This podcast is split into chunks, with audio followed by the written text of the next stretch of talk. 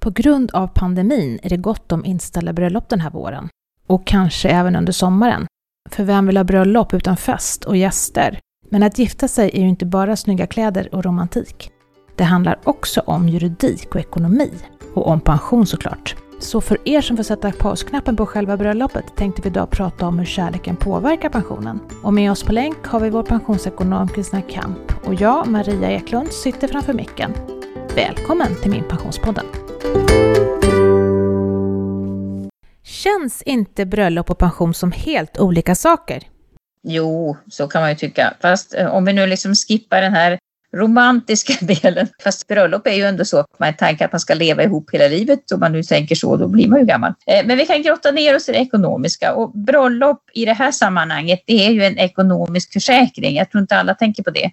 Eh, och det påverkar ju ekonomin, till exempel om man skiljer sig eller om man ska, man ska ärva varandra och pensionen påverkas ju också. Så är det. Men det här med bröllop, är det så viktigt egentligen? De allra flesta av oss lever ju faktiskt i synd i många år innan vi hamnar framför altaret. Vad händer om ett par bara flyttar ihop utan att gifta sig? Alltså ibland så spelar faktiskt själva äktenskapet roll fortfarande 2020 fast man tycker att det kanske inte borde vara så. Till exempel om du vill ge bort premiepensionen. Vi kan börja där. Alltså den där delen i den allmänna pensionen som man kan placera fonder, PPM-pengarna. Det är faktiskt den enda pension som du kan ge bort till någon annan och det kan man bara göra till den man är gift med. Om man nu tänker på hur det här går till då, det här kan faktiskt vara bra att tänka på just i samband med att man gifter sig tycker jag.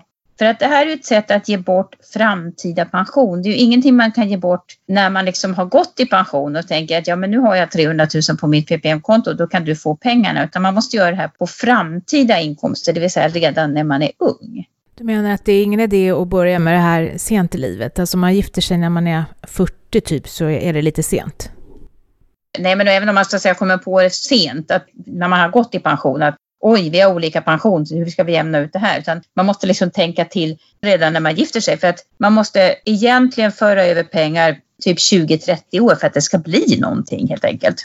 Om jag tar ett exempel, då Premiepensionspengarna är ju 2,5 procent av lönen då upp till 45 000 i månaden. Och i bästa fall så maxbeloppet blir ungefär en tusenlapp i månaden, kanske lite drygt, som man kan ge bort till sin make eller maka.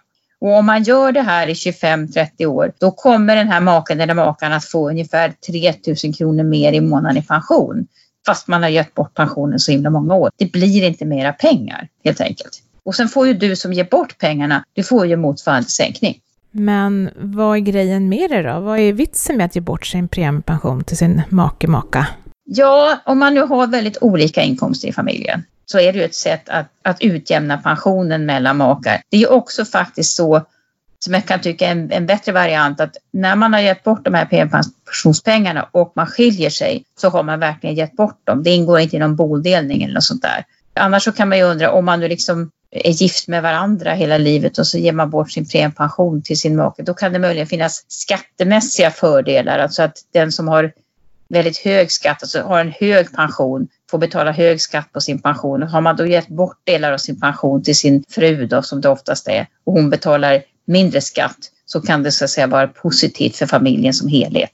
Mm.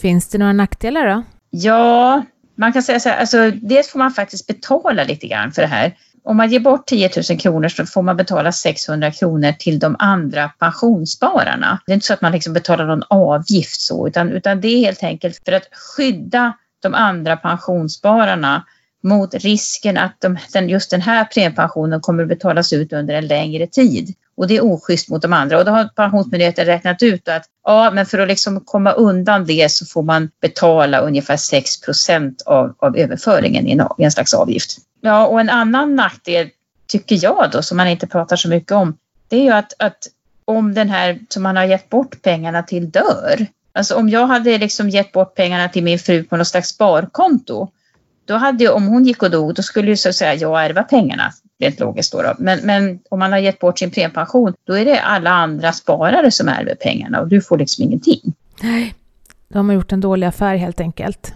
Kan man ju tycka. Men det här att det kostar 6% det beror då på att det oftast är en man som överför pengarna till en kvinna. I typ 99 procent av fallen. Och kvinnor lever då längre än män och då ska de ha pension under längre tid. Ungefär så är det, ja.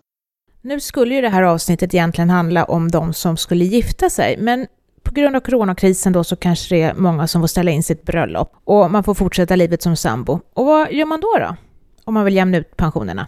Ja, då kan man ju inte ge bort sin premiepension. För att det får man inte göra, även om det har diskuterats att man ska få det. Men det finns inget sådant regelverk. Men då kan man ju egentligen föra över alldeles vanliga pengar istället. Det vill säga du kan, du kan spara åt din partner. Jag ger dig, sätter in tusen spänn på ditt konto istället. Det är klart, då får man ta pengar här och nu. Det är ju en nackdel. För fördelen med att ge bort sin premiepension är på något sätt att det är inte pengar som jag liksom kan använda idag. Men om du är sambo och ni går skilda vägar, då finns det ju liksom ingen bodelning eller sånt där som man måste ta hänsyn till, utan då har man ju faktiskt gett bort sina pengar.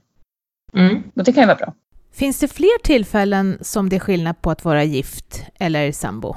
Ja, vi brukar ju, vi med vår konstiga pensionshumor, vi brukar ju skoja om det här att ska man haffa en bra partner, då ska man för att liksom bästa pensionsutfallet, då ska man hitta någon med hög inkomst och ha en tjänstepension som heter ITP2. Och det finns liknande varianter i andra bank och försäkringsavtal och sådana här saker.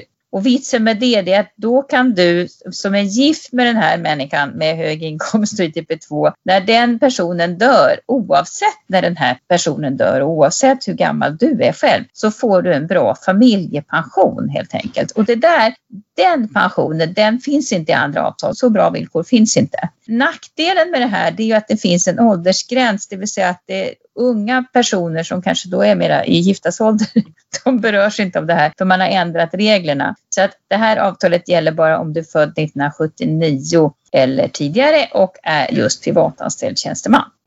Så det du säger egentligen, det är det att den personen som man träffar och ska försöka gifta sig med då, den ska vara född 1978 eller tidigare och vara privatanställd tjänsteman. Men själv kan jag faktiskt vara 90-talist, eller ja, 80-talist. Ja, ja, ja. Och hålla för en äldre man. Ja. Mm. Vi bara tänker rent, om du nu, vi, vi, skulle vi ta en dejtingsajt om det här eller vad är det vi har planerat? Det tycker jag. Men som ja, sagt, de är 41 år, de, de är inte lastgamla, det är de faktiskt inte. Men hur ser det ut annars då? Går det att ärva partners pension? Och räcker det med att vara sambo? Ja, vi kan ju börja med, med den allmänna pensionen då, för här är det liksom lite mer komplicerat. Förr i världen i den allmänna pensionen, då fanns det ju någonting som hette änkepension. Så då ärvde man så att säga sin mans, och då var man ju gift då, sin mans pension när han gick och dog. Men det där har man ju successivt avvecklat så att de sista som kunde få änkepension, det var ju de, som, de kvinnor då som hade gift sig före 1990. Eh, så det är ju ingenting att hoppas på med för, för blivande brudpar. Utan idag då får man en, någonting som heter omställningspension om din partner, oavsett om du är gift eller sambo och oavsett om du är man eller kvinna då, då så får du en omställningspension om din partner dör före 65 års ålder. Så kan du så att säga få lite pengar och det är inte speciellt mycket pengar man får under ett år och det är ungefär ja, 8-9 000 kronor i månaden. Barnen får däremot också barnpension. Men, men det, det är inga jättesummor, det är det faktiskt inte. Sen är det så här också att man har rätt till förlängd omställningspension om det är så att man har barn som är under 18 år, alltså gemensamt barn då under 18 år. Vill man veta mer i detalj hur det här regelverket funkar, då tycker jag man ska gå in och söka på omställningspension på Pensionsmyndighetens hemsida. Det här är också någonting kan vara bra att veta, att det är ingenting man ansöker om, utan det här betalas ut automatiskt om du bor i Sverige. Precis, mycket bra tips. Gå in på Pensionsmyndighetens hemsida och sök upp omställningspension om du är drabbad. Ja. Bra, nu vet vi hur det funkar för den allmänna pensionen, men hur funkar det för tjänstepensionerna då? Vi har ju redan varit inne på de där ITP2-arna som, som, där man får en slags familjepension oavsett hur gammal man är. Men det är ju inte så många som berörs. Utan i de andra tjänstepensionerna, då kan man välja om du tycker att jag vill att min, min familj ska ärva min tjänstepension. Då ansöker man om att få ha ett återbetalningsskydd. För att då får din partner, återigen då oavsett om du är gift eller inte, ärva tjänstepensionen som du har tjänat in hittills. Och det är klart, ju äldre du blir, desto mer pengar handlar det om. Men nackdelen med det här är att om du har det här återbetalningsskyddet så ärver du så att säga inte pension från andra inom ditt kollektivavtal som går och dör. tidigare än vad du gör. Så att du kan faktiskt få lägre pension på det här sättet. Och då är det frågan, okej, okay, har jag det här då kan man ju undra. Alltså i offentlig sektor, då är det oftast så här, alltså om du jobbar i kommun eller stat och så där, då är det ofta så att du har ett automatiskt återbetalningsskydd. Det är alltså ingenting du har behövt ansöka om. Medan i privat sektor så är det tvärtom. Där behöver du ansöka om det här återbetalningsskyddet. Och då tycker jag faktiskt att om man kollar på min pension så kollar du vad har jag mina pengar och vad jag har, vad har jag haft för konstiga avtal genom livet? För du kan ju både ha varit privatanställd och offentligt anställd så du kan ju ha en massa olika pensioner. Och då tar man kontakt med de här bolagen som kan hjälpa dig vidare och ta reda på om du har återbetalningsskydd eller inte. Om du inte Enklare är ju faktiskt att vänta på när du får brev på posten eller i dina digitala brevlådor från de här pensionsbolagen som talar om om du har återbetalningsskydd eller inte.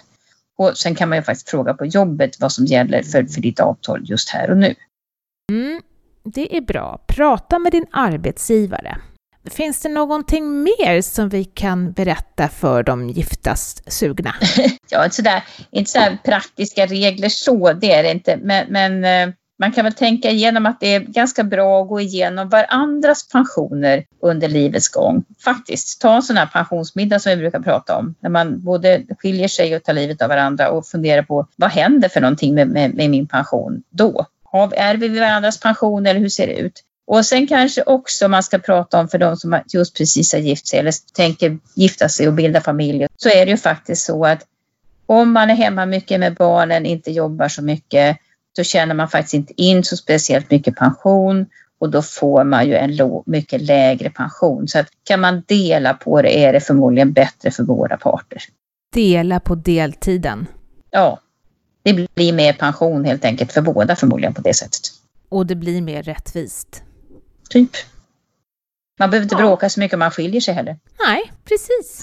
Det är klart det beror ju på hur livet ser ut. Men jag tycker det viktigaste är väl faktiskt att man, man förstår hur pensionen fungerar så det inte så kommer som liksom en överraskning när man har fyllt 60 utan att man sätter sig in i varandras pensioner. Jag tycker faktiskt att det är ett ganska bra tips. Gör det. Ta reda på, har din gubbe eller din fru, har ni återbetalningsskydd på varandra? Eller vem ska ha återbetalningsskydd? Om den som tjänar lite kanske inte ska ha återbetalningsskydd, om man har en man som tjänar betydligt mer, då, så, då är det bättre att han har återbetalningsskyddet och sådana här saker. Sätter man sig ner och tittar på sina egna pensioner så tror jag man kan bestämma ganska mycket själv utifrån det. Har du något mer du vill skicka med de här stackarna som får vänta på att få gifta sig nu då? Det är jättebra om du har gått igenom det ekonomiska. Då kan man verkligen gifta sig, liksom bara koncentrera sig på att ha kul på bröllopet och det kan väl behövas. Ja men just det, det är bra. Först får man gå igenom det tråkiga och sen så får man fokusera på bara det som är roligt och romantiskt. Ja, ekonomiskt bröllop först. Sen kan man slå klackarna i taket. Ja, och då är det dags för veckans fråga. Mm. Och den kommer ifrån en man som har skilt sig och han vill ändå att frun ska få återbetalningsskyddet. Och han undrar, går det att ordna? Ja, det gör det. Och jag tycker att det där är en bra gest. Att låta återbetalningsskyddet finnas kvar till exempel om man har bott ihop länge och har gemensamma barn och frun kanske har varit hemma med barnen. Då, är det, då kan det väl vara rätt okej okay att det är hon som så att säga ärver återbetalningsskyddet i alla fall. Men om man inte bor tillsammans längre, då kan man behöva ta kontakt med det här bolaget där tjänstepensionen finns och höra hur man gör med det här återbetalningsskyddet. Man kan behöva så att säga teckna något särskilt, att man har ett särskilt namn på förmånstagaren.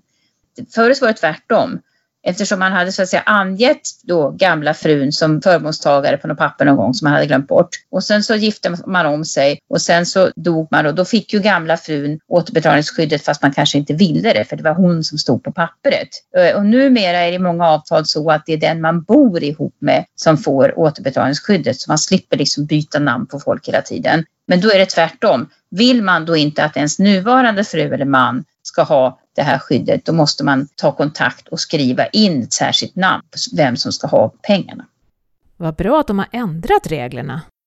Ja, det tycker jag också. Man kan ju också vända sig direkt till valcentralen, alltså det här bolaget där arbetsgivaren betalar in tjänstepensionen. Och om man inte har en aning om vilken valcentral man har, då frågar man på jobbet, för det vet i alla fall de. Och om jag förstod dig rätt så kanske inte det här gäller samtliga kollektivavtalade tjänstepensioner, det här, den här nya regeln? Nej, det är, självklart finns det säkert undantag, men, men jag vet att man har gått ifrån, för att det var så många tragiska fall där liksom gamla exet fick en massa pengar fast man liksom inte hade varit gifta på 15 år och hatade varandra. Så då ändrade man på det här. Men, men eftersom det finns så många olika tjänstepensioner kan jag inte ta gift på att det gäller för samtliga. Så att eh, ta reda på vad som gäller. Det är som vanligt alltså. Håll koll på din egen bokstavskombination och ta reda på vad som gäller för just dig. Ja. Tack för att du lyssnade på avsnittet idag som vi vigde åt dig som går i giftastankar. Vi hoppas såklart att den här pandemin snart är över så att du och din partner verkligen kan skrida till verket. I avsnittet deltog Kristina Kamp och jag själv Maria Eklund. Och vi jobbar på Min Pension som är en oberoende tjänst som ger dig koll på hela din pension. Nya avsnitt i Min Pensionspodden släpper vi varannan fredag. Och vill du höra på fler avsnitt så finns de tillgängliga där poddar finns. Ställ gärna frågor till oss via mail. Adressen är då podd.minpension.se och vi blir jätteglada när du hör av dig. Ta nu hand om dig så hörs vi snart igen. Ha det bra, hej!